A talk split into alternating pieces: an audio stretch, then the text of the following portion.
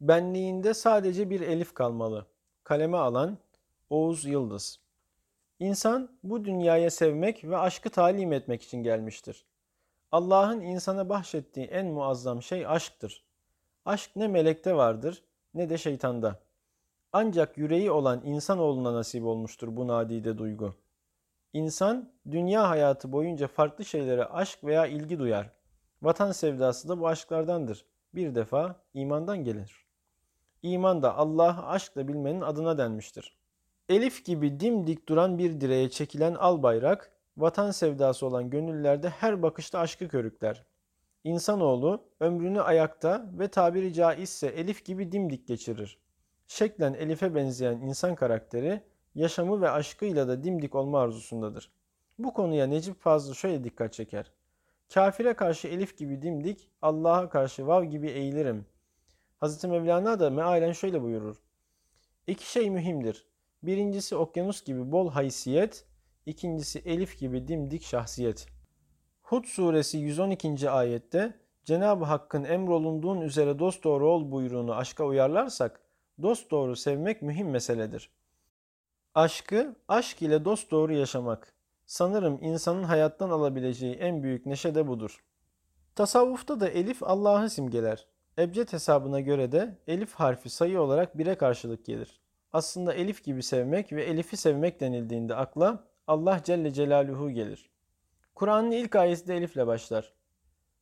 Allah lafzının ilk harfi de eliftir. Bunların hepsi bize gösteriyor ki bütün yollar yani elifler ona çıkmaktadır. Divan edebiyatında da elif vahdeti, kuşatıcılığı, güzelliği ve sevgiyi simgeler nitelikte nice beyte konuk olmuştur. Elif ile sevgilinin boyu tasvir edilir bazen. Bazen de onun güzelliğini ve zarifliğini anlatmak için şiirlerin olmazsa olmazıdır. Şiirden anlayan herkesin sevgili ve aşk deyince ilk aklına gelen Elif'tir. Lale devrinin ünlü şairi Nedim bir beytinde şöyle der. Elifler var ki layık her biri servi sehi asa. Dikip bağı bekişte mayi hüsnü baha eyle. Yani her biri servi ağacı gibi cennet bahçesine layık. Güzellik ve değer kaynağı nice elifler vardır. Sinan Paşa ise bir beytinde şöyle demekte.